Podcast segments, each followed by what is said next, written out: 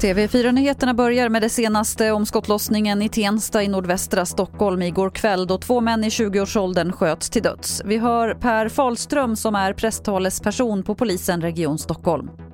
Vi har jobbat eh, med ett omfattande underrättelse och utredningsarbete.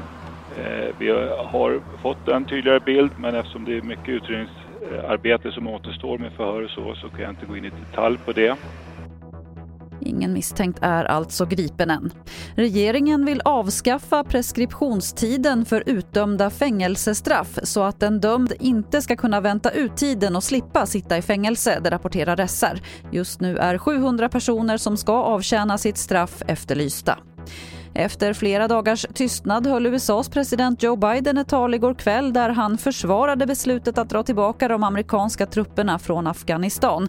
Han nämnde inte det senaste dygnets kaos på flygplatsen i Kabul men medgav att talibanernas övertagande kom snabbare än vad han förväntat sig.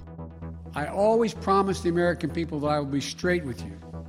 The truth is, this did unfold more quickly than we had anticipated.